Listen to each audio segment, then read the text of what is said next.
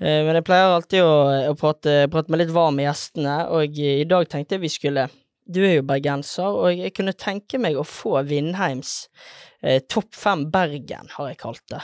Så hvis vi bare begynner med, hvis vi, vi kan begynne med restaurant, da. Oi, nå spør du godt.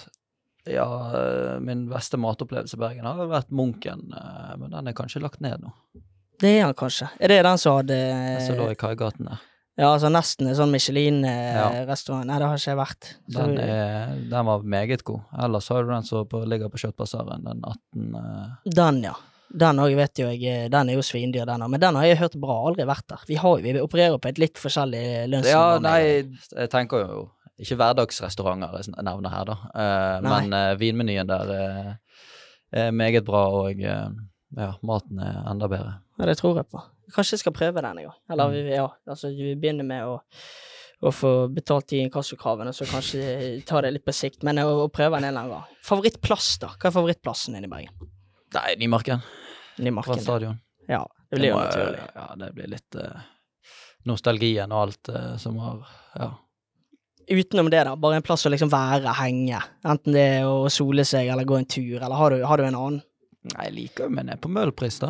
Ja. Eh, Sandviken òg er ganske fint. Der er operert veldig mye. Mm. Så mye gode venner som bor på Møhlpris. så det er lett å gjøre spontane ting med å gå ut og ta seg eh, en kaffe eller et glass vin, eller sitte på bryggen og sole seg. Mm. Jeg bor ikke Finne der òg, på Møhlpris? Jo, Bård Finne bor der. En annen uh, god venn av meg, Rasmus, bor der òg. Ja. så vi er jo en liten trio som bor der nede. Så da er det veldig lett å finne på noe spontant, om det er Kasper Ruud som spiller kvartfinale eller semifinale i Roland Garros, eller hva det er. Så eh, ja. Ja, det var spennende, det der Ruud. Det var litt kjedelig. Det ble- litt for enkelt for, for Nadal. Jeg håpte i hvert fall at eh, Ruud skulle ta et sett i finalen, men eh, ja ja, det var noe, det var noe uansett eh, dritbra. Men eh, litt kjedelig må jeg innrømme at det var. Favorittartist, da? Bergenser. Musikk er mitt svake, svake felt. Er det det? Ekstremt svak. Jeg eh, hører på musikk når jeg trener, og eh, når jeg er ute. Du må jo ha en eller annen, en altså Lars Vaular, eller om det er ja, hva flere, hvem andre kan det være, da? Gabrielle, kanskje? Men det har jeg forståelse for, det. Bra vibe og ja. Kan noen sangtekster der. Det Mm. kan ikke jeg skryte meg på at jeg kan hos veldig mange andre bergenske artister. Fantastisk live, Gabrielle. Så hun på Tysnes i 2016, var det vel. Jeg håper jeg kan få med hun her en eller annen gang. Men, men ja, hun er, hun er jeg digger Gabrielle sjøl. Helt Mm. bra. Favoritt-bergenser, da? Nei, lov å si sin egen kjæreste. Ja, det er jo lov. Det er jo selvfølgelig litt teit. Litt uh, teit. teit. Og litt uh, Vi blir jo fremstår veldig myk, da, når du sier det, men du skal jo få lov, selvfølgelig. Måtte bare skåre noen poeng først, eh, Ja. hvis hun hører dette. Ja, det kan Eh, jo være. At hun var den første jeg kom på. Sånn. Hvis jeg gjør det, hvis jeg gjør det lettere for deg, da sier jeg ikke vil det. Du får ikke lov å si hun. Hjelp meg, hvem har vi her i Bergen? Ja, altså, jeg har jo jeg, For meg blir det jo eh, Barmen, da.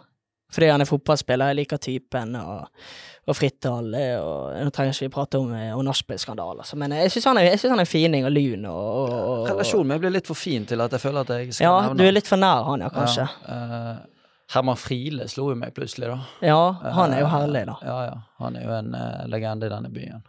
Han Kjører har- fine biler og kaffe og Ja, jeg går for Herman Friele. Han hadde et fantastisk sitat, Herman Friele. Han var gjest på en annen podkast, og da sa han det at eh, begravelser i Bergen er bedre enn fest i Oslo. Der har du hvorfor det er min favorittbergenser. Der har du det. Ja, han er nydelig. Og så siste, utested. Jeg har ikke vært ute i Bergen på to og et halvt år. Det har vel ikke så veldig mange andre heller. Nei.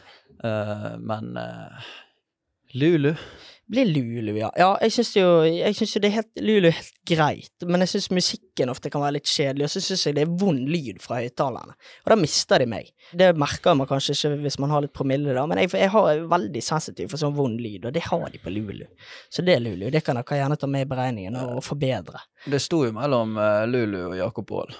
Ja, Jeg har jo ikke vært på Jada etter det nei, er konseptet. det. Ja, det kan jo være kjekt, eh, selvfølgelig, Jada. Skal være forsiktig å uttale meg, men du må jo hilse på alle du ikke har lyst til å hilse på, da. Men, uansett, men, men ja da, kjempeplass, det kan være det i hvert fall. Sånn er jo det å gå ut i Bergen, da. Sånn er det å gå ut i Bergen. Det er jo Mm. egentlig det. Nei, men greit, vi kan jo, eh, vi har pratet oss litt varme, da tenker vi bare kan, kan begynne, vi. Hvordan reagerer, reagerer du på sniking i kø? Og det syns jeg er herlig. Hva jeg tenker om ordet streit, det forbinder jo det med kjedelig, normal. Var det spørsmålet? ja. Gå fuckings to meter til, da. Kan ikke stoppe rett etter en rulletrapp. Vi må få trommevirvel. Ja. Du er ingen streit person. Hvis du sier jeg er streit, da blir jeg forbanna. Du er streit. Lite streit. Sol skinner i Bergen i dag, folkens. Det, det, det er nydelig vær. Eh, min form er dessverre ikke like nydelig, men dere får bare henge med, og så har vi, har vi en ordentlig pakke med en, med en fin gjest i studio i dag. Så jeg tenker jeg bare introduserer han. Det er ikke så interessant å kun sitte her og høre på meg. Så dagens gjest er da en som nylig har vært med på å ta storklubben Schalke 04 tilbake til toppen i tysk fotball. Han startet fotballkarrieren i breddeklubben Nymark før han tok stedet videre til Brann. Der spilte han under Nordling når laget rykket ned i 2014, før ferden gikk videre til Malmö FF, som den gang var ledet av Åge Hareide. Siden har han spilt for klubben Sparta Praha, og per i dag er det usikkert hvor han fortsetter karrieren. Kanskje han kan hjelpe oss å finne ut av det. I tillegg så liker denne gjesten i tillegg til fotball Call of Duty og stavkroer. Det tolker dere som dere vil. Velkommen så mye til deg, Andreas Aalen Vinner. Tusen takk. Vi begynner på, begynner på karrieren med en gang. da. Hvor, eh, hvor, hvor, hvor fortsetter Andreas? Nå har du rykket opp med, med Skjolke til Bundesliga, hvor de hører hjemme. Men eh, du er jo bare vært på utlån fra Praha. Hvor, eh, hvor skal Andreas spille til neste år? Akkurat nå så vet jeg ikke. Eh, eller det jeg vet, er at jeg har to år igjen med Sparta. Og, eh, så det er der jeg skal begynne min preseason. Mm. Så får vi se hvordan denne preseason ender. Om, eh, om det blir et nytt, eh, et nytt kapittel i Sparta, eller om eh, jeg klarer å finne noe annet. Så mm, det helt ærlige svaret, jeg vet ikke hvor jeg er. Vet du hvor du vil, da? Tyskland ga jo mersmak. Mm. Eh, den supporterkulturen der og interessen der borte, den, den ga virkelig mersmak. Utrolig kult og gøy å spille der borte. Eh, mange historiske og klassiske klubber, eh, så, så klart eh, har alltid hatt et lite øye for Tyskland, helt siden Bård egentlig spilte i Tyskland og var besøkte han og fikk kjenne på den der eh, kulturen og trykket der borte. Jeg har jo alltid vært svak for England, som de fleste nordmenn har. Men etter hvert i Tyskland, så den De stadionene der og supporterne der, de, er- de er litt bedre. For det er fotballgalskap, ikke det? Tyskland. Tysk fotball. Ja, det er galskap, og det er en eh, helt enorm kultur på eh, å støtte opp under laget sitt. Kan jeg fortelle når vi, vi tapte en toppkamp med Schalke mot Werder Bremen, 4-1 hjemme. Og det var mange som trodde at vi ikke skulle klare å rykke opp da, etter det tapet der. Og da står supporterne, og jeg trodde jeg skulle få hets, og gikk med halen mellom beina bort til supporterne for å takke for støtten. Og da begynte de å synge og hoppe, og hele stadion hoppet etter kampen og støttet oss, og det var Det, det syntes jeg var utrolig kult. Du har vært mye skadeplaget, har ikke du det, i ditt opphold i, i Schalke? Du, var- du var vel med i hvert fall i, i, i preseason her og start, men så har du vært litt plaget, har ikke du? det? Jo, jeg røk jo på en strekk i leggen etter tredje kampen min, så det holdt jo meg ute ja, veldig lenge. Strekk i leggen, den er ikke ofte jeg hører. Nei, jeg har aldri hatt noe problem lenge før, Nei. men uh, ja, det bare smalt i en vending, så det var ja, utrolig, utrolig kjedelig. Men hvis vi tar det, det som har skjedd sist først, og du var jo med nå, du spilte jo siste kampen og dere sikret opprykket. Mm. Fortell om den opplevelsen, da. Det er det største jeg opplevde på en fotballbane. Vi har gått videre til Europaligaen og Champions League og alt, men dette toppet det helt. Det var, var 72 000 på tribunen, eh, og det var fra allerede fra oppvarmingen så var det fullsatt, og de Ja, hele stadion gynget omtrent. Men da rykket dere opp igjen til, til Bundesliga, som jeg sier at det er jo der Schalke hører hjemme. Mm. Hvordan har du merket på, på supporterne at uh, dere ikke har spilt i, i Tyskland, på Tysklands øverste nivå? da? Merker du det på supporterne? Egentlig ikke, eller man merket jo en ekstrem lettelse og glede, da. Uh, kanskje mer lettelse enn glede akkurat når vi gikk opp der. Uh, men eh, jeg var jo ikke der når de rykket ned, da, så det var jo mange spillere som hadde noen historier fra når de rykket ned, da, om uh, da de virkelig fikk kjenne på hva fansen tenkte på, da. Eller tenkte når de rykket ned. Så uh, det har noe eh, det var, Jeg kjente på en enorm støtte når jeg var der, men først og fremst når vi rykket opp, så var det en lettelse og ja. Kan jeg spørre hvorfor du, du ikke fikk bli, bli værende? Det var jo en opsjon som lå der, som ikke var obligatorisk hvis vi rykket opp. Så det var egentlig valget til Sjalke etter sesongen, da. Eh, så det jeg ble fortalt, var ja, en skade som satte meg ut lenge. Eh, Schalke har jo Gazprom har jo forsvunnet som sponsor, som var den, kanskje den største draktsponsoren i Tyskland etter Bayern München sin. Så det var veldig mye penger som forsvant ut vinduet der, så eh, de var ikke villige til å risikere å kjøpe en spiller som kanskje ikke holder 30-35 kamper. Riktig, men de har, de har likevel satset på deg når du har vært skadefri, da. Du har jo, du har blitt brukt. Ja, virkelig. Jeg har fått spille egentlig alle kampene jeg har vært uh, skadefri, så uh, jeg følte jo på en enorm tillit. Uh, så en kombinasjon med at man ikke har vært tilgjengelig i alle kampene man skulle være, og ja, kanskje noen middelmådige prestasjoner som ikke har overbevist, så ja, ble valget at de ikke benyttet seg av den opsjonen. Men de har jo sett deg i Tyskland da. Kanskje, i, kanskje det kan, kan, lande et lite tilbud på, på, på bordet til Stig, Stig Lillejord, er vel agenten din, ikke sant? Kanskje det kan lande et tilbud der hos han nå når det er preseason og de allerede har sett deg, hva vinneren kan, kan, bidra med? Ja, det hadde jo absolutt vært interessant. Fikk jo vist meg litt fram i Kjalke, så får håpe at er noen har fått det med seg. Kan eh, vi ta det med en gang? Hvor er det kjekkest å bo? Praha eller eh, Sjalke? Er det en by, det? Helsenkirchen. Helsenkirchen. Hvor er det kjekkest å bo, da? Helsenkirchen eller Praha? Eh, Praha, definitivt. Eh, Gelsenkirchen er den nest fattigste byen i Tyskland. Ekstrem eh, arbeidsledighet, og eh, det er jo tidligere eh, kullgruver. Altså, det var jo den rikeste byen under andre verdenskrig. Eh, den viktigste byen for denne Skal ikke nevne navn. hærføreren. Så ja, kullgruvene stoppet opp, og da mistet ekstremt mange jobben. Så høy arbeidsledighet, ekstremt fattig og ikke så veldig mange fine kafeer og butikker og sånne ting. Ok, Så ikke så spennende utenfor treningsanlegget, da? Nei, Gelsenkirchen er kun Sjalke. Okay. Og hele byen bryr seg om kun Sjalke 04. Det er helt ekstremt. Folk dropper å gå til tannlegen for å kjøpe billett til kampene. Og ja, Så du kommer der med to tenner, og du kjøper en øl, og du går på kamp, og det er liksom ukens høydepunkt. Det er såpass, ja. Hvordan har, eh, hvordan har livet vært utenfor fotballbanen i Sjalke, da? Sosialt og venner og fritid og sånn? Det har egentlig vært ganske fint. Eh, det var en islending der. Snakka jo svensk og dansk. Så, og så hadde vi Marius Lode. Uh, og så, så, vi ble jo en liten, hva skal man si, nordisk trio der. Og så kom jo man veldig godt inn i gruppen. Det var en veldig åpen og varm gruppe. Så sosialt, så klart, det har vært mye Call of Duty. Uh, men det har jo også vært noen middager med denne trioen.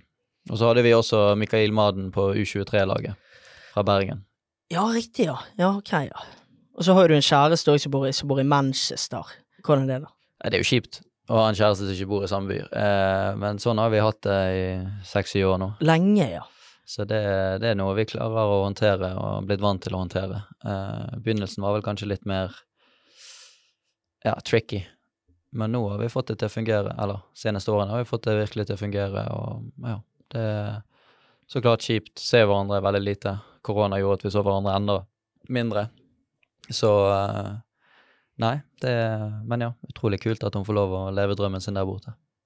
For hun er jo, eh, spiller jo da Manchester United, landslagsspiller er hun òg. Hvordan er det å være sammen med en som er større stjerne i seg sjøl, da? Litt deilig. kan hun ta vekk alt det der, eh, ja. Nei da. Uh, nei, det er utrolig kult. Uh, hun uh, spilte jo Arna Bjørnar, og jeg spilte i Brann, og så har jo veien hennes gått til Manchester United. så når hun var liten, så drømte jo hun ja, egentlig om å bare spille på landslaget. Det var Manchester United hadde ikke damelag, så at hun får lov å henge på Old Trafford med Cristiano Ronaldo på en plakat på 20 ganger 20 meter, det er ganske kult. For når jeg tenker på deg, så tenker jeg òg det at det har vært, jeg syns det har vært lite skriverier om din karriere. Sånn egentlig, det, Bergenspressen har jo eh, tatt for seg en del, men har, jeg syns det har vært lite sånn skriverier om deg ellers. Hva tror du er grunnen til det? Jeg merket det egentlig mest når jeg gikk til Sparta. At det der eh, BT har jo aldri fulgt meg opp siden jeg eh, forsvant fra Bergen. Eh, BA han har vært flink, syns jeg. Eh, spesielt i Malmö og ja, og for så vidt i Sparta. Men når jeg gikk til Sparta, så er det gjerne en liga og en klubb som i Norge man ikke føler så gjerne mye med på. Uh, så da har jo det vært uh, veldig lite kontakt med ja, bergenspressen og i media. For hvordan er nivået i, i den tsjekkiske ligaen? Hvis du sammenligner f.eks. tsjekkisk fotball med, med Eliteserien, hvordan er nivået? Jeg syns det alltid er vanskelig å sammenligne i ulike ligaer. Eh, jeg syns jo den norske ligaen har tatt seg opp veldig. Eh, det viser jo Bodø-Glimt og, og ja, egentlig Molde òg har jo vært bra i Europa de seneste årene. Så eh, Nei, jeg mener jo toppnivået på disse klubbene, topp tre-klubbene i Sparta, er jo veldig bra. Spiller egentlig Europa hvert eneste år og går videre for gruppespill og ja. Ehm, så jeg vil jo rate topplagene der litt bedre enn i Norge, men ellers i ligaen så er, er det jevnt, altså. Jeg tror Ja, jeg tror det, det er ikke så altfor stor forskjell, men det er veldig ulik fotball. Det er en helt annen type fotball som er vanskeligere å håndtere. Så på den måten er jo det på en måte vanskeligere. Hva legger du i at det, det er annerledes? da? Er det mer fysisk, eller hva, hva tenker Ja, du på? ekstremt fysisk. Uh, det er Om man trodde norsk fotball var fysisk uh, Det er jo det svenskene sier, at norsk fotball er mer fysisk, men uh, tsjekkisk fotball er ekstremt fysisk. Det er, de har flere dueller per kamp enn Premier League. Eh, så der har du på en måte statistikken som backer opp det òg. så det, det er en ekstremt eh, tøff liga, og det er mye dueller og mye løping. Så det, det er vanskelig å få fram eh, sine individuelle kvaliteter ettersom det er så ekstremt med dueller. Nei, men Det er fint, da fikk vi en oppklaring på, på tsjekkisk fotball. Jeg skal bare finne litt kaffe til oss, jeg, og så kan vi gå gjennom hva vi skal gjennom i dag. Ja. Har du hørt eh, noe særlig på den podkasten? Jeg har hørt én episode, skal jeg være ærlig. Ikke hørt den siste med Gauseth? Nei, den eh, i går var jo jeg på Den kom ut i går, den. Mm. Da var jeg på kamp og eh, feiret med kake etter kampen, og så oh, så i landskampen. Så den eh, fikk ikke jeg eh, med meg. Nei, men den, må du, den syns jeg du skal prøve deg på. Den syns jeg er ok, og det er jo fotball, og, så det er jo, det er jo, det er jo kjente ting.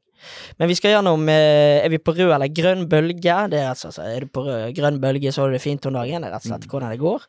Så har vi eh, Så har jeg en lurer eller hundre, ting jeg lurer på. Så skal vi ha en ny spalte kalt eh, Fuck it, det drar mastercardet. Så har vi et par lytterspørsmål som jeg også fletter inn innimellom. Og så har vi da gjesten rater seg selv, hvor du får seks kategorier, og så skal du rate deg sjøl fra én til ti i de kategoriene. Så har vi Er du streit, eller? Jeg kommer til å bruke hele vår prat til å konkludere om du er en streit person eller ei. Og så har vi til slutt en Men før det går, og that's it. Høres greit ut? Det høres veldig fint ut. Da prøver vi oss på, på første, vi. Hvordan går det med Navcard? La meg si det slik. Rakk ølsalget med ti sekunder i sted. Ja, hvordan går det nå igjen? Nei, kjørte over katten min i stedet, så Er vi på rød eller grønn? Rød eller grønn bølge, Andreas. Jeg kan bare si det, det at med den formen jeg sitter med her i dag, så er jeg altså på så klink rød bølge. Men det er ikke jeg som er viktig her, så, så fortell meg. Eh, hva slags bølge surfer Andreas på om dagen? Nei, nå er jeg på grønn bølge. Nå er det ferie. Det er Bergen by, det er sol. eh, det er fri. Så definitivt eh, grønn bølge. Hvor lenge blir du hjemme nå, da? Jeg er hjemme en uke til. Uh, da har jeg hatt uh, tre uker ferie. Så det ja, inne på siste uken. Kjennes litt kjipt at det er kun syv dager igjen. Men uh, ja, jeg må ta de dagene med knusende ro. Og så var du på ferie med Vilde, det fikk jeg med meg på, på Gramman. Dere, Hvor var dere henne? Jo, Mallorca. Ah, hvor da? Rett ved flyplassen. Palma der. Så ja. Palma er jeg kjent med. Palma, Palma er veldig fint. Jeg kaller det for en Barcelona junior, jeg. Palma. Ja, vil nesten påstå det. Eh, ekstremt mange gode restauranter. Eh, har fått litt tips fra bekjente der nede, folk som har hus og sånn. Jeg har booket bord på nesten alle restaurantene som var der, nesten, og eh, kjent på maten der. Så det var ekstremt godt. Kanskje det kunne vært neste steg for Vindheim? Spania? Mallorca, kanskje? Ja, der har det trivdes. Der har det vært grønn bølge 365 dager i året, skal jeg si deg. Har du hatt tilbud fra Spania før? Aldri hatt tilbud fra Spania. Tilbud fra Tyrkia. Ah, et litt eh, løst tilbud som eh, ja, egentlig falt i sand. Hadde feil agent, fikk jeg beskjed om. Stig Lillejord var feil agent. Uh, nei, det var jo uh, Hva var det, da? Nei, det var jo en eller annen tyrkisk agent som henvendte seg, da. Eh, Ja. Fikk eh, ja, høre at Besiktas eh, skulle legge inn bud, og la inn bud til Malmö. Ikke sant, ja. Men det, det ebbet ut i sand. Han ville kun gjøre det aleine, han tyrkiske agenten. Han ville ikke samarbeide med Stig, og da sa jeg ja, sorry, mate. Det er jo rart, da, ikke det? At det er Jo, men- agenten som skal stå i veien. Men sånn er det som oftest. Altså Spesielt der nede, så er jo det hvis du har feil agent, så gjennomføres det ikke, for det er så mye penger under bordet, og det er liksom Mm. uh, Eiere vil kun bruke sine agenter for å bruke minst mulig penger, eller at deres venner skal få penger. sant? Du vil ikke gi penger til fremmede mennesker der borte. Så det er veldig mye under bordet der. Mye lobbyvirksomhet, da. Ekstremt. Det var, det, altså Jeg var jo sånn noenlunde klar over det. Jeg har jo, jeg har jo hørt en del på han eh, Knut Høybråten, vet du, som Mm. går under kallenavnet Fotballegent. Jeg syns jo han er vittig, da. Og Ja. jeg tror jeg skal prøve å få han med som gjest. Men han forteller jo om det der, om hvordan agentene opererer og, og alt eh, det gamet der. Det er ganske spesielle greier. Ja, det er ekstremt eh, spesielt. Eh, og det er vanskelig som fotballspiller òg å håndtere dette. For det, man vet jo ikke hvem som er ja, ekte, og hvem som faktisk kun er ute etter penger. Det er nettopp det. Men for å oppsummere så er bølgen grønn, da. Bølgen er veldig grønn. Ok, ja, Så utenom at det er ferie, så hvorfor har Andreas det så bra? Det har vært en nylig en fin opplevelse med å gå opp med Schalke. Uh, en opplevelse jeg ikke vært, ville vært foruten. Kommer fra en uke med damen i Mallorca. Uh, vi ser jo ikke hverandre så ofte, så det er jo, det er jo veldig fint. Og så være hjemme her med venner og familie i Bergen. Det, det er alltid grønn bølge i Bergen. Eh, så lenge jeg lander på Flesland, så kommer det grønn bølge. Det høres jo ut som en god oppskrift, det du, det du forteller om her. Det må jo jeg si. Mm. Men jeg tenkte vi skal gå litt videre på, på fotballkarrieren din. Vi, vi, altså det, blir jo, det blir jo noen smutthull. Vi får ikke tatt med oss alt. Men jeg har lyst til å begynne å prate om eh, Han jeg har lyst til å begynne å prate om, det er din far, Rune Vindheim. Han har jo jeg eh, har hatt eh, delvis litt som trener, og du har vel òg hatt han som trener, har ikke du det, i Nymark? Jo, jeg har hatt han ja, trener på hjemmebane òg, i Nymark. Det har du. At han trente vel Det Nymark-laget han trente, jeg vet ikke hvor gammel du var, du var da. Eh, han kom vel inn da vi var, begynte med elverfotball, så vidt syverfotball og så elverfotball, ja. Men ta for deg noen av spillerne på det laget, for der er det noe Det er et interessant lag, ikke det? Jo, egentlig. Eh, vi var jo eh, Kasper Skånes, spiller i Brann, Bård eh, Finne eh, og meg, da. Så vi var jo en trio der som har spilt sammen siden vi var veldig unge, og Mm. alle hadde pappa som trener. Ikke sant, ja. Mm. Så spilte jo dere òg sammen eh, når dere tok eh, Mange av dere når dere tok NM-gull, gutta 19. Mm. Husker ikke hva år det var. Var det kanskje 2014? det? 2012. 2012 var det selvfølgelig. Og der er jo mange av de samme spillerne òg. Ja, vi har jo eh, Vi gikk jo til Brann alle sammen når vi var 13-14 år gamle.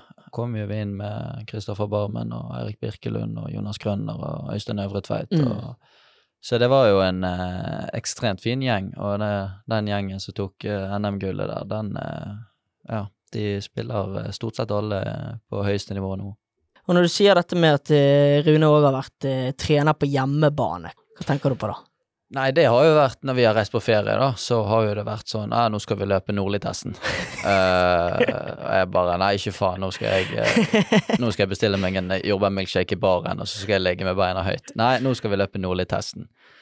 Så setter han opp to par joggesko, og så løper du barfot på en gressplen nede i uh, Ayanapa der. sant?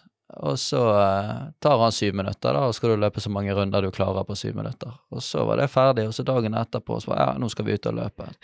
Knytt joggeskoene. Midt i der spanjola siesta, der skal vi ut og løpe. Oh. Så det har jo vært eh, Ja, så når man sitter sover litt, litt for lenge på lørdagen, så kommer han opp og, nei, inn på soverommet så sier han, ja, nå er Kasper ute og, og skyter eh, på Nymarken, nå må du òg ut. Og da var jo det bare å stå opp og ja, ut og spille ball med Kasper. jeg liker jo litt den der, eh, den der eh, At han påfører deg litt sånn Nå er det mange andre som er ute og trener, her ligger du litt sånn Pusher på deg sånn dårlig samvittighet, da. Han er en, han er en eh, ordentlig karakter som trener din far. Han, jo, han har jo I Fana så hadde han disse morgentreningene, husker jeg. Han var jo den som Han, han kjempet jo for, for å spille fotball klokken kvart over seks om morgenen.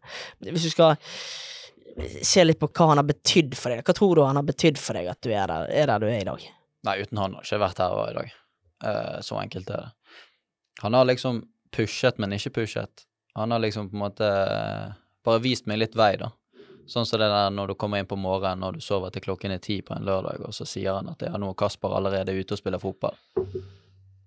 Han sier ikke at jeg skal ut og spille fotball, men han sier liksom ja, så at jeg kjenner på det litt sjøl. For jeg har jo hele tiden sagt at jeg skal bli fotballspiller, og han har jo vært fotballspiller og vet hva som skal til. Så han har jo lagt litt eh, rammene på hva, hva som må til, da. Så det er liksom Jeg har alltid vært glad når jeg har vært ferdig med disse løpetestene på ferie, da. Jeg har alltid vært glad for at jeg har gjort det. Det har aldri vært så klart Jeg ville jo ikke gjøre det når han sa det, Nei. men når man var ferdig, så var det sånn mestringsfølelse. Det er jo kanskje en, disse små mestringsfølelsene som gjør at man klarer å holde det i gang når, når ting bikker imot.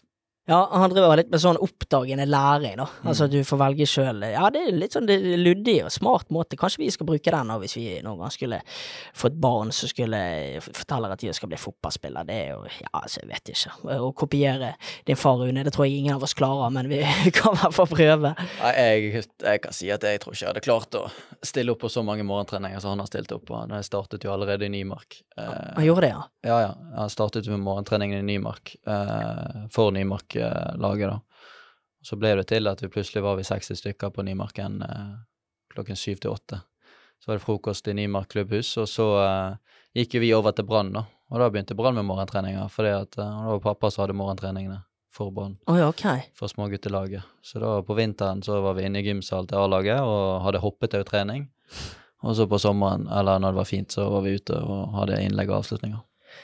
Har du en eller annen historie? Du nevner jo dette med Nordli-test på ferie, men har du andre ting du kommer på så du bare tenker at han som trener i et nøtteskall Ja, vi var jo det var noen somre vi var på Holmsbu på Østlandet.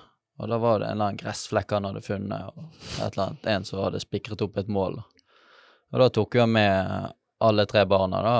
Meg som var ja, tolv år gammel til elleve år gammel, og så søstrene mine som var ja. Og da skulle alle på med fotballsko og trene, og da løp vi runder rundt banen, og skulle jeg legge inn til min søster, og hun fikk kjeft for at hun ikke turde å he- heade ballen, Så da var det en liten minicamp med, med pappa på Holmsbu, der eh, ja, søstrene mine, som ikke var inter så interessert i fotball på den tiden, der skulle plutselig ta volley og innlegg, eh, heade på mine innlegg.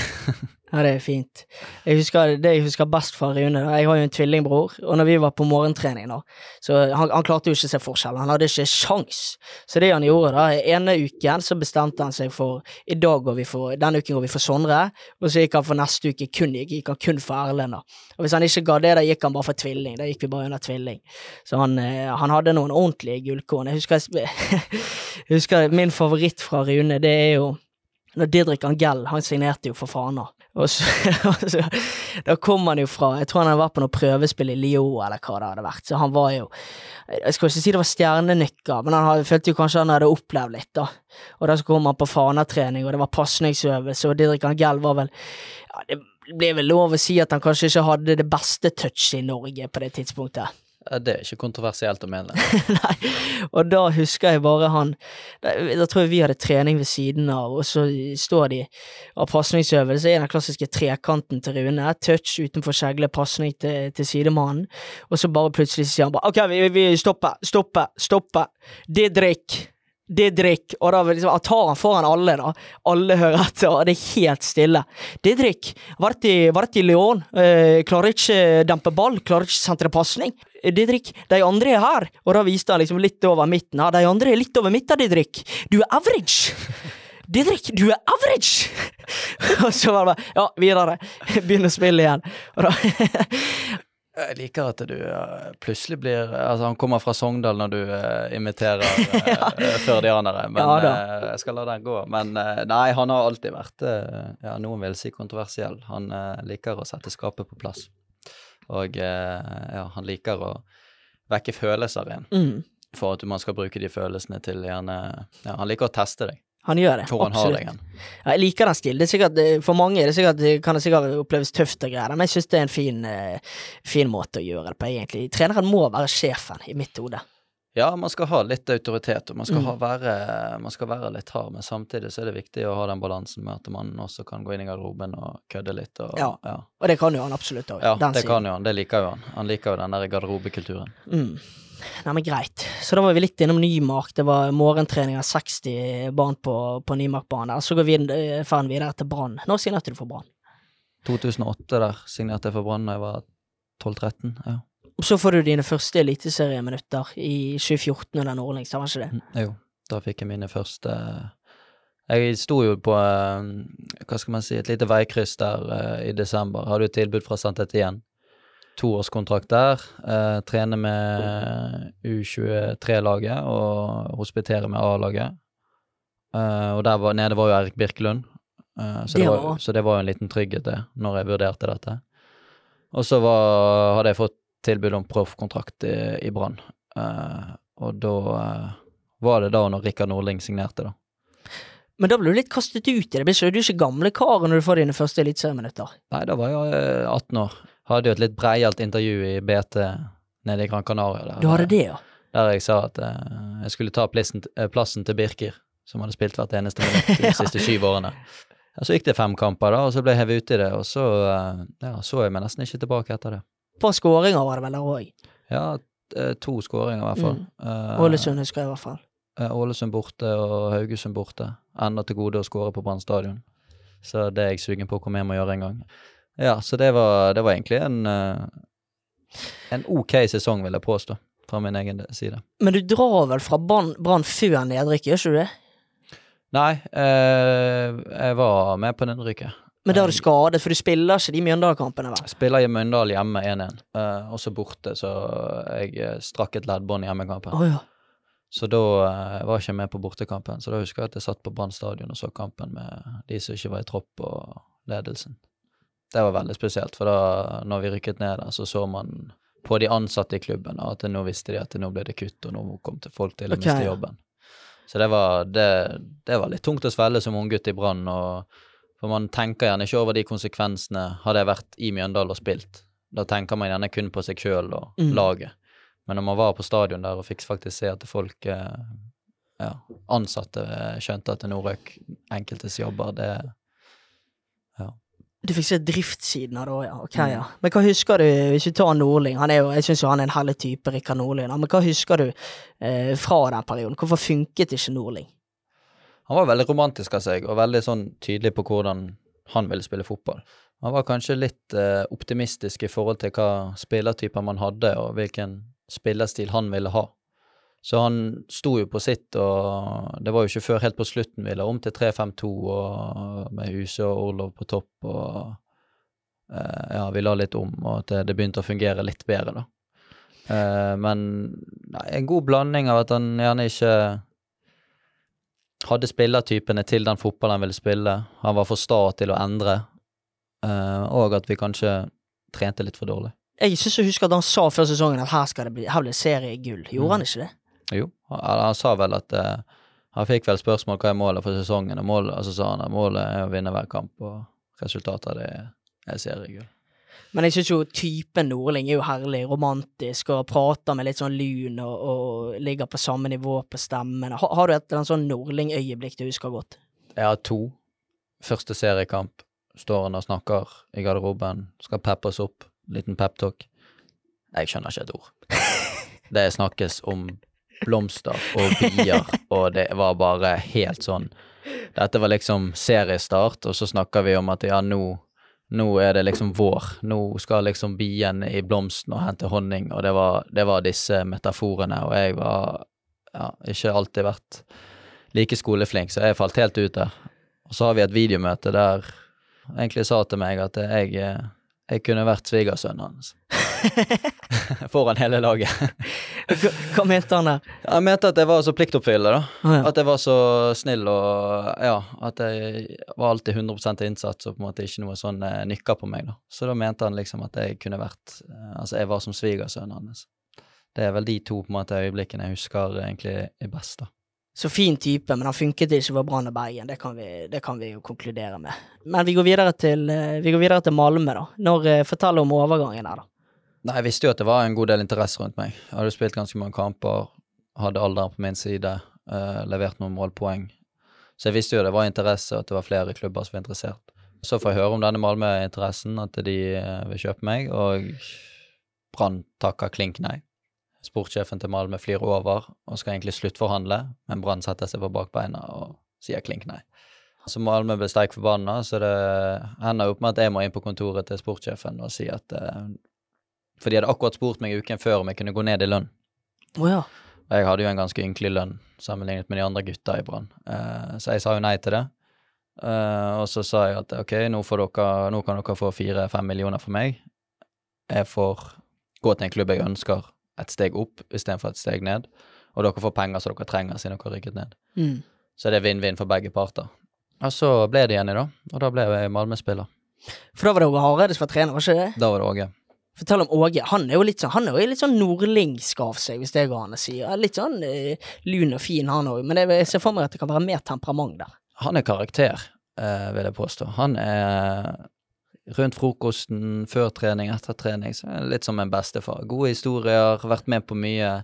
Kommer med noen historier fra City og ja, når han var landslagssjef og sånne ting.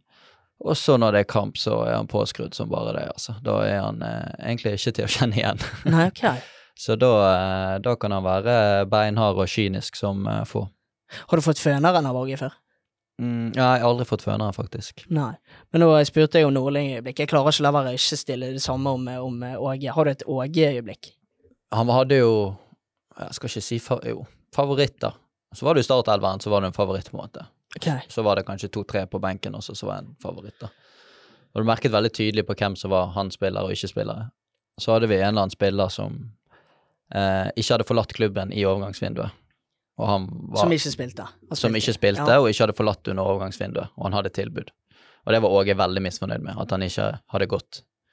Så da, eh, på den treningen der, så eh, ble vel han taklet Det var to ganger han ble taklet der det skulle vært klink rødt kort. altså ble høvlet ned. Ja. Ikke frispark. Åge, Sa- bare sa- vink, Sa vink. ingenting.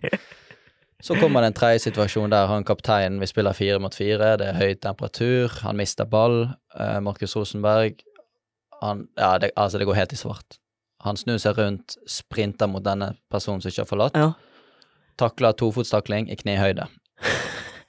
Og han tar salto, for han hopper litt opp, for han ser at han kommer. Så han hopper litt opp, for han tror han skal gå på ball, da, men han Ja. går på kneet. Så han tar jo en sidelengs salto i luften. Spill videre. han fikk ikke frispark den treningen der. Så grei kynisk, altså, det Åge. Ja, ganske, ganske kynisk. Men vi har pratet Champions League. Jeg har prøvd å finne, prøvd å finne du eh, Hvor mange minutter du har. Men har, har du eh, telle gruppespillsminutter i Champions League? Nei, det har jeg ikke. Jeg fikk komme inn i kvaliken Mm. et par minutter, og så satt jeg på benken egentlig i alle kampene bortsett fra siste kamp.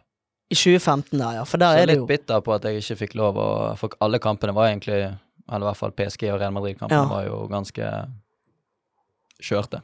Så, så- jeg hadde jo håpet på å få et par minutter der. Ja, altså, jeg skjønner jo Når det er på stillingen 5-0 til Real Madrid, så hva er forskjellen å kaste inn deg der? Det, det skjønner jeg at du er litt bitter over. Det må jo ha vært fett å ha vært med på de, de begivenhetene der, da. Med hymnen og, og, og flomlys i, i Malmö der. Det må jo ha vært fantastisk. Ja, altså det har vært en, eh, en kjempeopplevelse. Det er bare det å trene på disse stadionene, Parc de Pré og Mm. Santiago Bernabeu, liksom, og ja, og reise, gå, kjøre Champs-Élysées med politieskorte til eh, det, det har vært en enorm opplevelse, så jeg fikk jo bytte til med noen drakter òg, da. Det var det jeg skulle spørre om. Hva, hva er den sykeste drakten du har fått bytte til deg? Mm, I den Champions League-eventyret der, så var det Tiago Silva i PSG. Den er inte du, altså. Den er fin. Uh, Real Madrid nektet jo å bytte. Uh, vi har jo en, hadde jo en spiller som ventet utenfor garderoben deres i en time på hjemmekampen. Fikk han komme inn i garderoben, får en drakt av materialforvalteren, innpakket i plast. Kommer inn i garderoben, åpner. De spilte med bortedrakten, svarte drakter. Kommer inn i garderoben, åpner opp, hvit drakt uten navn og nummer. den, den svir. Men da er jo han Da er det litt for gale når, når han står der og skal vente en time for å krige til seg en drakt. Ja, Åge var ikke fornøyd. Det Det, ga han tydelig beskjed om dagen etterpå. At vi skal ikke være noen ballgutter på tur. Ja, det ble litt sånn fanboy, nesten. Ja, det ble fanboy, og det, det gikk over en grense. Eh, men det var jo ganske tydelig at Real Madrid ikke ville bytte drakter i det gruppespillet. Er det det største du har vært med på på en fotballbane? Er det Champions League-kampene der, det? Ja, på en måte så er jo det det. Du vil vel gjerne si noe der du har spilt, vil ikke? Ja, det? Hva er det altså, største det jo, du har vært Jeg har jo på? på en måte vært med på to ligagull i Malmö. Ja. Ene ligagullet følte jo ikke jeg meg så veldig delaktig i, mens det andre følte jo jeg meg mye sterkere delaktig i. Så det er jo på en måte Jeg rater jo de to forskjellig. Og så har jo jeg vært med på å kvalifisere oss til Europaligaen og spilt Europaliga-gruppespillene. Ja, man får et helt annet eierskap til ting man har vært med og bidratt i. Det da. er det man gjør. Det Altså, det man gjør. man kan jo si at ja, men hele troppen er like viktig, og den er jo for så vidt det. Mm. Eh, man må jo stille opp og gi alt på trening, men man får et helt annet eierskap. Man er jo litt egoistisk òg. Man, man tenker jo ikke kun lag hele tiden. Det er nettopp det. Her sitter jeg, vet du, og liksom skal eh, si det at ja, det er det man gjør. Og jeg, for faen, jeg har spilt Lagunecup. Det er jo selvfølgelig jeg, jeg kan jo skjønne hva du mener, men jeg kan jo overhodet ikke relatere. Men for, for å gi oss med, med fotballbiten, da vil vi bare oppsummere. Hvor mange tro, hva trofeer er det vi har her? To SM-gull, cupen i Tsjekkia. Jeg regner jo ikke seriegullet i andre bondesliga som et trofé, da. Hvorfor ikke det? For det er ikke høyeste liga. Den er liksom Fett da. Ja, jævlig fett, og kanskje den feteste medaljen jeg har. For det, i Sverige får man sånne jævla mynter.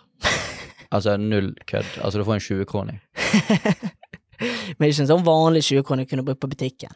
Nei, det er jo en ball på den 20-kroningen, da, og så står det noe sånn SM-gull eh, 2018 og 2016, eller hva det var. Så du blir jo et ordentlig stas på i Sverige, altså. En mynt, vær så god. Ja. Mens her i Norge og i andre land så har jo man medaljer og kongepokaler, og det, så det, det faktisk Det var en nedtur når jeg fikk de, det, det kronestykket der. Ja, det skjønner jeg, men det, altså, må, det må være litt pokaler og medaljer. Altså, vinner man, så er man vinnere. Da skal det være litt skikkelig, tenker jeg. Det tenker jeg òg. Jeg blåser i hva du bruker pengene på.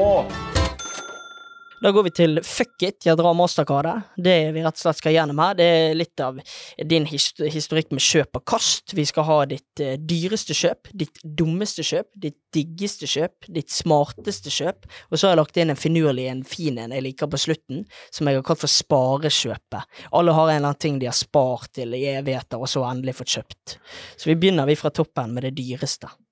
Det er en klokke. Ja, det holder ikke å si klokke her, altså. Her må vi ha modell, vi må ha Det er en uh, Audemars Piguet Royal Oak kronograf til 31 000 euro. 31 000 euro. Så en AP, da, er ikke det det rapperne synger om, da? Jeg tror Jo, det er AP. Mm. Det er det. Så der uh, Har du han på i dag? har han på i dag. Få se. Og nå får jeg han her òg. Dette er jeg så langt unna å noen gang få kjøpt sjøl. Ja, den er raff, altså. Den er ordentlig raff. Den er ordentlig raff. Hvor kjøpte du denne? Den har jeg kjøpt i Praha, i butikken der borte. Så der har jeg vært inne og blitt eh, Ja, med klokka er jo det Det er jo verdi. Det er jo Det er verdi. Det er jo å sette penger i banken, det. Ja, det er jo det om du ikke mister den eller Mm. Ja, det er jo det. Eh, så du har jo en viss risiko i det. Men eh, ja, nei, det er ventet i ja, to og et halvt år på den. Jeg kan liksom ikke helt relatere. Jeg har hatt på meg en Casio, liksom, og der stoppa det. Så det men den var dritfett. Vi går til neste, vi. Dummeste kjøp. Litt for glad i klær. Ja, for du har jo Jeg har jo fulgt deg på Instagram jeg, gjennom din karriere, og det har jo vært litt sånn nesten sånn Madison Det er jo nesten en Madison-sekk noen ganger. Ja, jeg prøver jo å være litt anonym av meg, Ja. og jeg prøver jo ikke å flashe på Instagram. Mm. Jeg jeg, det liker ikke jeg. Eh, altså, jeg tar ikke på det dyreste jeg har, og jeg stiller opp til en Instagram-post, liksom. Ingen Aron Dønnum, liksom. Nei, jeg er ikke der. Nei. Der er ikke jeg. Jeg eh, liker å være casual, men samtidig er jeg opptatt av ja, klær og, og klokker. Eh, så eh, dummeste kjøp Jeg kjøpte vel en eh, en jakke fra Jill Sander. Det er ganske mye. Som jeg hadde et helt år uten å bruke. Hvorfor du likte den ikke? Grell, eller? Ja, jeg tror jeg, kjø jeg, kjøpte en jakke som egentlig var utenfor komfortsonen min å gå med. Ja. Og tenkte nå skal jeg naile det, nå skal jeg Mm. gå med det. Kom aldri ut av den komfortsonen der. Ble jeg med at den hang i skapet og prøvde den på flere ganger. Bare nei. Så i butikken her så følte du at nei, nå skal vi, nei, men nå skal vi, nei, men jeg ser jakke. Ja, nå skal vi nei, men slå på stortrommen og dra mastercardet. Men jeg endte med at jeg solgte den, da. Men det var jo likevel Jeg fikk jo ikke solgt den for det jeg kjøpte den for, så det var jo Nettopp. et hinsides dumt. Har vi et bilde kanskje vi kan legge ut på Instagram av den? Går det an å fiske opp? Det kan vi prøve. Da kan vi prøve på det. Da tar vi det diggeste kjøpet. Altså, leilighet var jo et jævlig digg kjøp. Ja. Uh, om det er lov å si slike ting. Ja da, det er lov. Av materielle ting hjemme, så er det Jeg vil si gamingstol. Det var et digg kjøp. Det er gamingstol, ja. ja. Uff.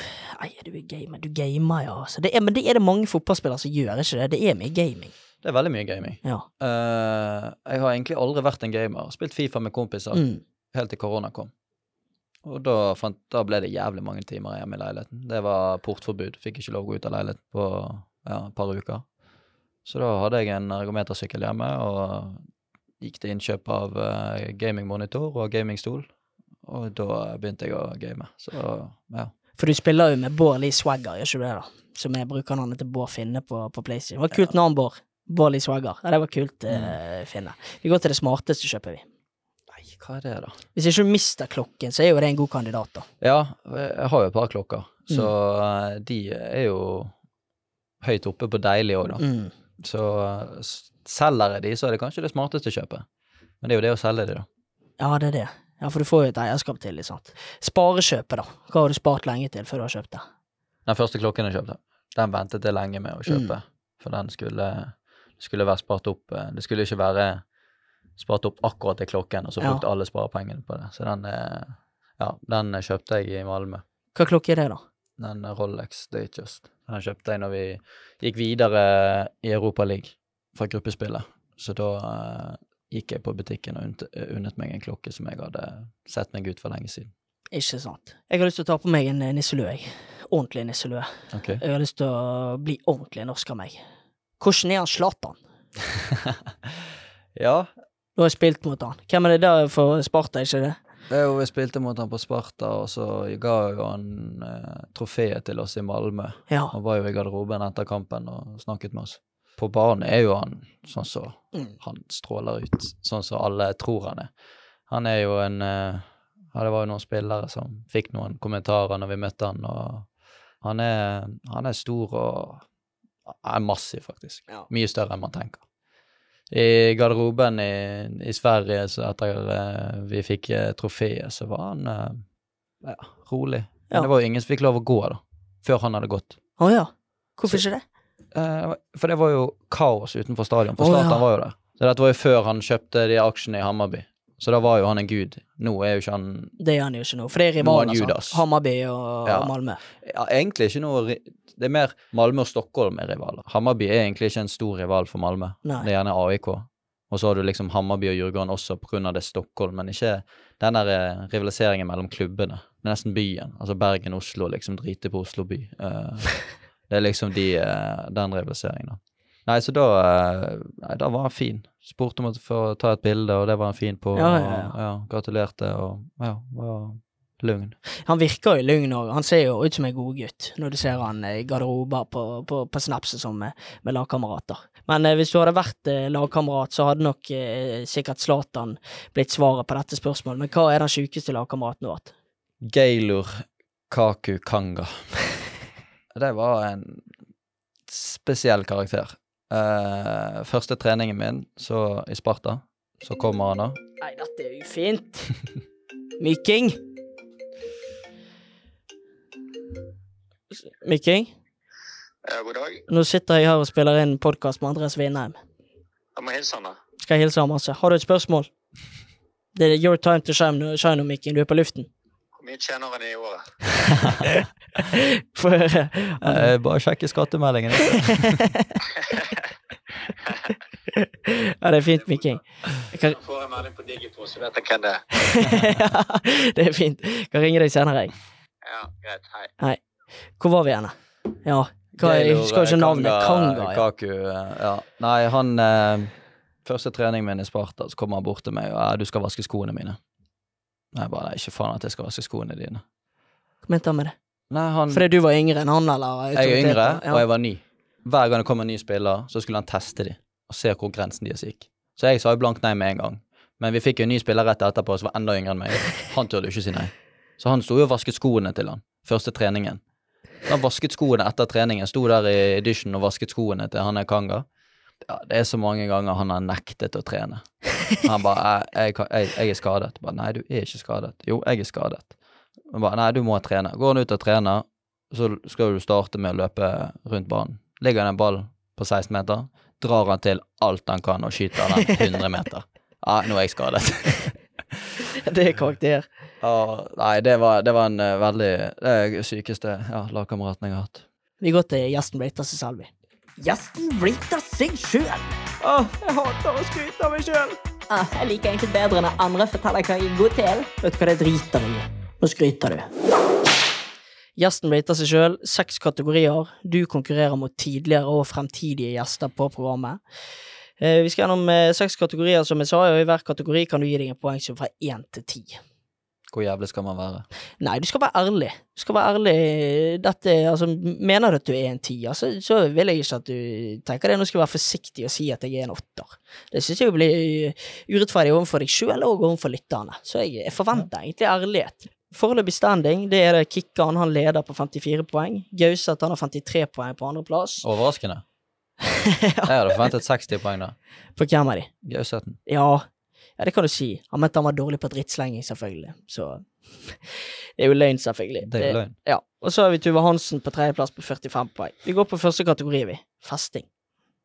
Åh, Du har jo, jeg vet du har hatt noen gutteturer ja, på Stavkroa, altså. og du er jo glad i en fest, ikke du det, da? jo, jeg kommer jo Jeg var jo Vi var jo to dager i Ibiza. Da var jo jeg en av uh, one uh, last man standing på uh, Hvem var du i Ibiza med? Tjalke. Ja, selvfølgelig. Vi var der to dager etter uh, opprykkskampen. Nei, festing? Gi meg en nier der, da. Kan du forklare litt mer hvorfor du er bra på festing? Fordi at uh, jeg fester sjeldent. Så når jeg fester, så, lik, så da, da går jeg all in. Da går jeg inn med alt. Er du en danser? N- Nei, altså jeg kan ikke danse, men jeg danser. Så om det er sittedansing, eller om jeg står, eller hva jeg gjør, liksom, det er, det det er håndledd, liksom. Stort sett håndledd og armer, og armer skuldre. Riktig. Sant, det er liksom Ja, ja, det er klassisk, ja. Men hvordan eh, Hvor viktig er det at eh, gruppene har det bra på fest, at grupper fungerer på fest, at det er god stemning? Det er viktig at alle har At glasset aldri er tomt Det er viktig. hos de som er på festen. Altså, det skal, alle skal opp på samme nivå, alle skal opp og nikke. Så er du en hovmester i, fest, i festsammenheng. Ja, jeg er glad i å spandere, og glad i å eh, ta med ekstra drikke, slik at andre òg kan få smake og få drikke seg opp. Det verste jeg vet, er folk som ikke har med seg nok drikke. Det, det er litt kjipt. Det er enig. Det er Men da er jeg der. Da er du der. Da er jeg der og en fyller. Du kan ta meg. Vær så god. Drikk. Herlig. Så nier der. To. Bilkjøring. Åh, ti. Ti? Ja, jeg rater meg sjøl som en god sjåfør. Meget god sjåfør. For du har jo Du har bodd i Norge, Sverige, eh, Tsjekkia og Tyskland. Hvor er det vanskeligst å kjøre bil? Hvor vanskeligst? Jeg syns ikke det er vanskelig noen steder der. Men, Det ikke- vanskeligste jeg har kjørt, er Amsterdam. For der var det så jævlig med syklister. men du klarte deg fint, da. Selv da. Ja, det vil jeg si. Nei, altså, bilkjøring, det er kanskje det Ja, har litt ego der. Mann kjører bil, eh, liker biler. Kjørt eh, gokart med laget flere ganger og har ikke tapt. Så ja, ti. Flørting. Åh, der er Der er dårlig. Der er dårlig. Det er nesten så vi må Kunne vi, kunne vi ringt Vilde nå på direkten og spurt henne hvor god du er å flørte? Ja, vi kan prøve. Kan ikke vi prøve? Skal jeg eh, si et tall før vi ringer, da? Det kan du si. Det er litt vittig, ja. Nei, jeg er en toer på flørting. Jeg har kjæreste i snart ni år. Det er ikke A-game, akkurat. Det der. Jeg bare roper over til deg, jeg, da. Hei. Du, eh, vi har et, ja, en liten case på podkasten her. Jeg må vite Vilde, du må fortelle meg eh, hvor god er Andreas å flørte? Um, fra én til ti. eh, fire. Fire, ja. Kan vi få vite hva, hvorfor, hva begrunner du det med? Føler ikke han flørter så veldig mye, egentlig. Nei. Og når han først gjør det. Det er litt eh, kjedelig. Kjedelig? Ok. Det er kjedelig at vi ikke flørter med hverandre. Men når han gjør det, hva, hva teknikker, hva metoder er det han bruker? Nei, han har noen fine øyne, da. Så han ser vel ganske dypt i øynene på meg, og så skjer jo det mesteparten over telefon. Så han har noen fine meldinger av og til som eh, gjør meg glad. Det er konge, det, Vilde. Takk skal du ha. Bare egentlig. Ha det. Så en firer, da, og så hviler du på øynene dine, visstnok. Ja, jeg gjør tydeligvis det. Jeg eh, tenker jo at jeg er en toer, da. Men det er jo Ja, flørter jo åtte år sammen. Det blir, det blir mindre mindre det blir mindre, det er jo naturlig. Så det er jo Jeg er jo ute av eh, Altså, jeg er jo pensjonert der. Pensjonert. Det, et comeback der hadde jo liksom sett helt fryktelig ut. ok, men det var ikke så gale som du tenkte, da. Hun sa fire, du Ja, men hun, to. jeg tenker hun er litt snill med meg nå. Ok, hun er det, ja. Ja. Hun spiller litt på lag med deg. Ja. Ok, ja ja. Da skriver jeg opp to, jeg, da. Det, får, det er jo tross alt du som rater deg sjøl. Mm. Husarbeid. Nei, jeg rater meg bra, altså. Jeg er renslig av meg. Jeg er litt OCD på ting. Skal ha det rent og pent. Eh, skal ha ting i orden. Jeg liker å sortere og ja, vite hvor ting er. Så det er Jeg kan ikke rate meg som ti, for der, da hadde Ville arrestert meg. Så Mm. det blir eh, en åtter der. Åtter, ja. Ja. Ok. Kan jeg, har du robotstøvsuger? Har du gått til anskaffelse av det? Nei. Det skal Jeg skal gjøre det sjøl. Ja, utrolig. Men elektrisk har jeg gått til innkjøper, for den er boksen som treffer meg i ankel og akillesen av og til. Det, Den er, jeg ødela jo min støvsuger i Malmö på grunn av det.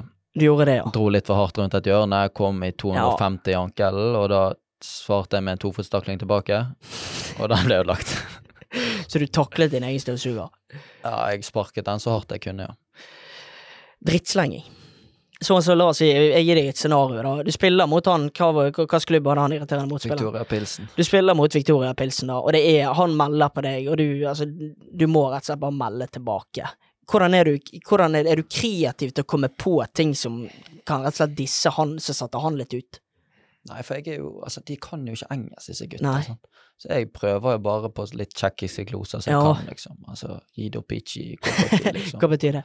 Ja, ja, det skal ikke vi si på luften, Nei, men okay. uh, vi kan ta det etterpå. Nei, men uh, ja, altså Drittslenging Jeg vil si jeg er average. Kanskje average pluss. Average? Didrik average? Ja. Ok. Jeg vil si jeg er en sekser, da, kanskje. Sekser, ja. Ja, Det er liksom eh, Jeg er litt ute av det gamet der, føler jeg. Altså, hadde jeg spilt lenger i Norge, så mener jeg da kunne jeg klatret fint oppover på den. Ja. For jeg liker, jeg liker drittslegging. Jeg liker at noen melder på meg, sånn at jeg kan melde på tilbake. Ja. Og jeg liker òg å melde. Sånn så, men i Tsjekkia så var det fort at jeg Da, skreik jo jeg norsk, på norsk til de, sant. ja.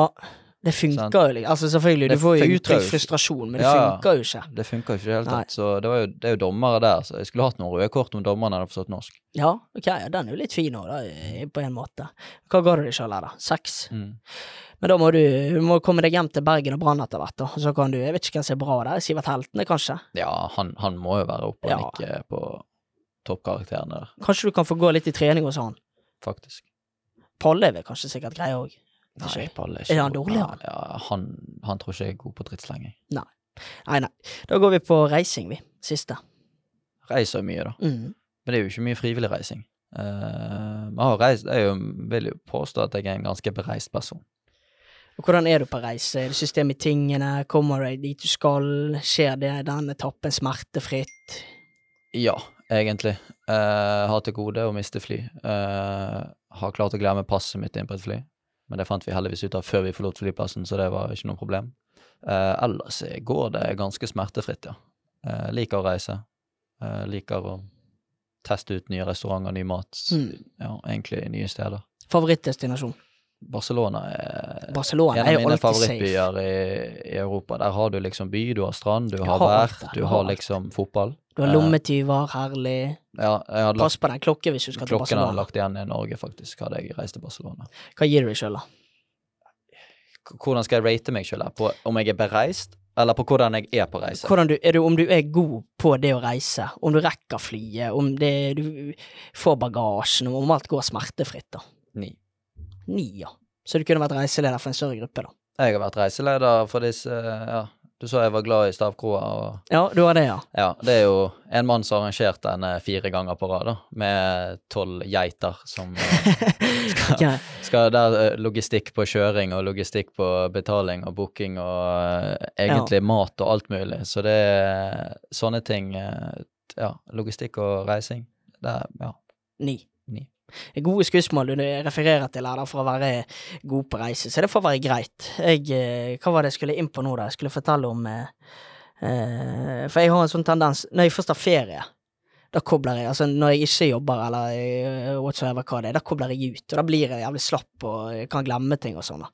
Eh, men hva var det jeg tenkte på, da? Men jo, jo, det var det. Jeg mistet et fly her forleden. Og da når jeg mistet det flyet, så var det litt sånn Jeg følte meg litt sånn Her er vi vi er en viktig person, mister fly, liksom. Du, ja. Mistet fly i dag, da, så det var Ja, jeg kom på nytt fleksbillett, selvfølgelig, så det dyreste, så det er jo Følte, Følte meg litt viktig. Jeg vet ikke hvorfor, veldig rart. Men det var Jeg vet ikke om du kan relatere til det. Nei, det kan jeg ikke. For du har jo ikke mistet fly. Og det jeg òg har på bucketlisten, det er jo å måtte løpe gjennom eh, hele flyplassen for å rekke et fly. For da føler jeg at man ser veldig viktig ut. Ja, Det har jeg gjort et par ganger. Ja, det, ja. Eh, det har eh, Det Øresundstoget som går fra Malmö til København. Det er sjelden til rute. Så er jo det hvor mye er du villig til å legge inn i slingring på Mm. disse togene. Så er det noen ganger jeg har booket billett i, i garderoben, for jeg vil hjem til Bergen og Ja, ta meg en tur på Jada eller Jakobpå, liksom. hva det måtte være. Hva det måtte være. Så da eh, var det så mye forsinkelser at eh, dette toget bestemte seg for å ikke stoppe på Kastrup Nei. holdeplassen. Så den kjørte forbi Kastrup. Så jeg måtte opp på neste stopp, hive meg en taxi, tilbake til flyplassen og sprinte gjennom hele terminalen. For det er enorm flyplass, ikke? Jo, det er en bra størrelse. Ja, bra størrelse, ja. Spørs hvor uheldig du er med Mm. gate. Men Bergen-gatene pleier å ligge ytterst på disse armene da, ut av Kastrup. Skal vi se hva du lander her, da. Jeg skal regne sammen, jeg. Det blir kalkulator, jeg, altså. Det er ikke dagen for eh, hoderegning etter. Ja, den flørtingen drar jo meg fort. Ja, den gjør det, men jeg liker at du er ærlig, da. Ti, eh, to, eh, åtte 44. Sist. 44. Nei, du er ikke sist. Du lander da på rett bak Tuva Hansen på en fjerdeplass, så utenfor palla. Kristin Stormer med Steiraplassen. Faktisk. Det er hennes eh, Burde egentlig ikke blitt kalt fjerdeplass lenger. Fornøyd med 44? Ja, egentlig. Det er jo helt greit, det. Det er jo flørtingen som drar meg ned, da. Ja, ja. Hadde, den flørting, hadde, det, hadde jeg vært singel, så hadde du jo kanskje Måtte du kanskje gått i trening en eller annen plass? Ja. Vi får si det. Vi skal etter hvert runde av, men helt til slutt så har jeg litt uh, lyst til å finne ut om um, Ja, altså, du har opplevd mange byer, da. Eh, den fulle oversikten på hvor du bor, det blir jo da Bergen, selvfølgelig. Eh, hva var det du kalte det i, i, i, i Tyskland? Schalke? Gelsenkirchen. Gelsenkirchen, Bergen, Malmö eh, og Praha. Hvor har du trivdes best? Ut, altså, hvis vi glemmer Bergen, da. Ja, den ja. Malmö. Mm. Det er en veldig koselig by. Mange sier det beste med Malmö er at det er 20 minutter under København. Nei, men du har jo nærheten til København, som er, jeg synes, kanskje er Skandinavias beste by, uh, utenom Bergen.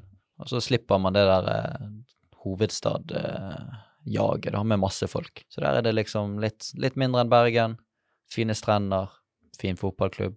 Vil du inn til storbyen, så er det 20 minutter med tog. Så det trivdes veldig bra der. Plassene du har bodd utenom Bergen når du har spilt fotball, har du opplevd, hva er det kuleste du har opplevd utenfor banen? Et eller annet arrangement du har vært på, eller om det er en tur, eller hva, et eller annet. Ja, det var jo ganske kult når vi var og festet med Cristiano Ronaldo. Du har vært og festet med Cristiano Ronaldo. Det har vi. Vi, eh, etter denne kampen, vi tapte 8-0 på Santiago Bernabeu, så var jo det vår siste kamp. Så da hadde jo Jo ingen Berge snakket med Øddaen, og fikset et bord på Opium i Madrid. Og der kom vi etter vi hadde spist middag på hotellet, og hadde egentlig en lagfest, da. Etter en stund så går jeg på toalettet, går trappen opp til dette ved VIP-bordet, da. Så står det en mann i døråpningen der, og jeg prikker han på skulderen. bare 'Kan du gå litt til siden, så jeg kommer forbi', liksom. Så er det, snur han seg, og så er det Cristiano Ronaldo. Sjølveste. Ser jeg på vennen min, han ser på meg, vi ser på hverandre, og vi bare Ja. Det er CR7. Hvordan var han på klubben? Jeg ser for meg at han var ganske anonym. jeg. Ganske fin. Uh, han var jo oppe med oss en ganske god stund. Snakket med Han kjente jo igjen eh, Han ene har jo spilt i Basel i åtte år og spilt mange år Champions League, så de har møtt hverandre mange ganger.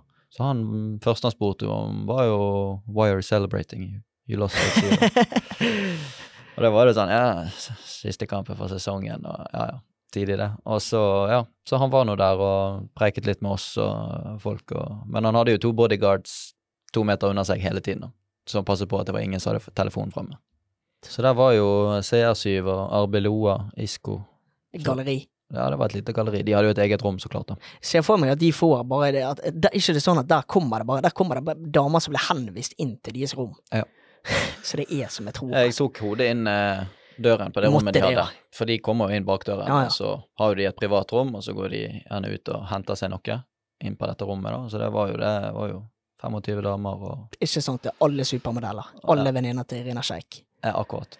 Så det var Jeg er kanskje ikke venn, venner av hun, da, akkurat på det tidspunktet. Nei, kanskje Men, ikke. eh, ja. Så det var Ja, det var en ganske surrealistisk opplevelse. Det skjønner jeg. Jeg tror vi har en konklusjon, jeg. Ja. Du lurer kanskje på om du er en streit person eller ei. Ble du så blank i øynene nå? Er du spent? Er du nervøs? Syns du dette er gøy? Det er ikke gøy. Alt kan ikke bare være lek og moro. Vi må jo finne ut om du er en fet person eller ei. Er du streit, eller? Ja, er det en streiting? Det første jeg tenker når jeg tenker på deg, Andres, det er jo at du ikke gjør så fryktelig mye ut av deg. Du er ganske, du går litt i det stille, og du er ikke så opptatt av media. Media er ikke gode nok til å skrive om deg, du har hatt kjæreste lenge. Eh, ganske rolig fyr, avslappet type. Eh, og så er det jo, hva mer er det å ta her, da? Altså, du er ryddig, du er opptatt av, du er organisert. Du sitter i en gamingstol og gamer. Eh, du sier òg det at du, du ikke vil være noe Aron Dønnum, så du skal ikke, det skal ikke være Gucci og sånn på Instagram. Altså, du er jo veldig Jeg synes du er litt forsiktig av deg, kan jeg si det? Det er lov å si. Det vil jeg påstå at jeg er sjøl òg. Så før jeg gir deg konklusjonen, hva syntes du sjøl? Er du streit, eller er du ikke det? Jeg vil si at jeg er mot streit, altså. Jeg òg lander på streit, altså. Jeg synes du er streit, og det er ikke noe galt i det, altså. Nei, det er jeg, jeg er enig. Altså, ut av det. Jeg er en veldig streit person. Men så var- den siden av Andreas vi kanskje ikke får se, han som sørger for at de lagkameratene som har tatt med seg for lite drikke, får en ekstra øl. Den siden får vi. Den er jo òg interessant, der er jo du fin, men det, er, det blir streit, altså. Jeg lander der. Jeg gjør dessverre det. Jeg ser ikke på det som dessverre, men uh... Nei, dessverre. Ja, jeg er jo det. da. Jeg er jo, For en person som er veldig lite streit, så, så syns jo jeg det, da. Men nå har jeg jo aldri blitt rated. Men, men hva, bare siste, hva syntes du om at jeg som sitter her, som, som ikke er så særlig kjent, sitter og gir deg eh, beskjeden at du er streit? jeg syns det er tidlig. Du syns det er tidlig, ja? Ja. Syns du jeg er i posisjon til å kunne gi folk denne konklusjonen? ja, absolutt. Hadde du vært en streit person, så hadde du ikke vært i posisjon. Det er nettopp det. Det er akkurat det. Du må være lite, lite streit for å faktisk eh, kunne være i posisjon. Det er nettopp det. Og det er enda gøyere at eh, du er på en rød bølge når du gir denne dommen òg. Det er veldig fint. Jeg har bare én ting jeg før du går, og det er en eh, Men før du går. Når vender du tilbake til Brann og Bergen? Om ikke så altfor lang tid. Jeg har lyst til å komme hjem til Brann og Bergen når jeg har noe å bidra med. At jeg ikke kommer for seint hjem og bare Mm. melker jeg, har, lyst til å være med og kunne prestere og bidra med noe. Så forhåpentligvis ikke altfor lenge til. For det er absolutt en, en drøm og et mål jeg har. Et seriegull for Brann sammen med kamerater, eh, hadde det vært det største du kunne gjort på en fotballbane? Ja, det vil jeg si. Det, det hadde vært slutten på en, eh, en bra sirkel. En perfekt slutt på en bra sirkel. Da, har det vært, da føler jeg at jeg kan se tilbake på karrieren og si at jeg klapp meg på skulderen og si well done. Vi tar den her. Takk for at du kom. Ingen problem. Lite streit.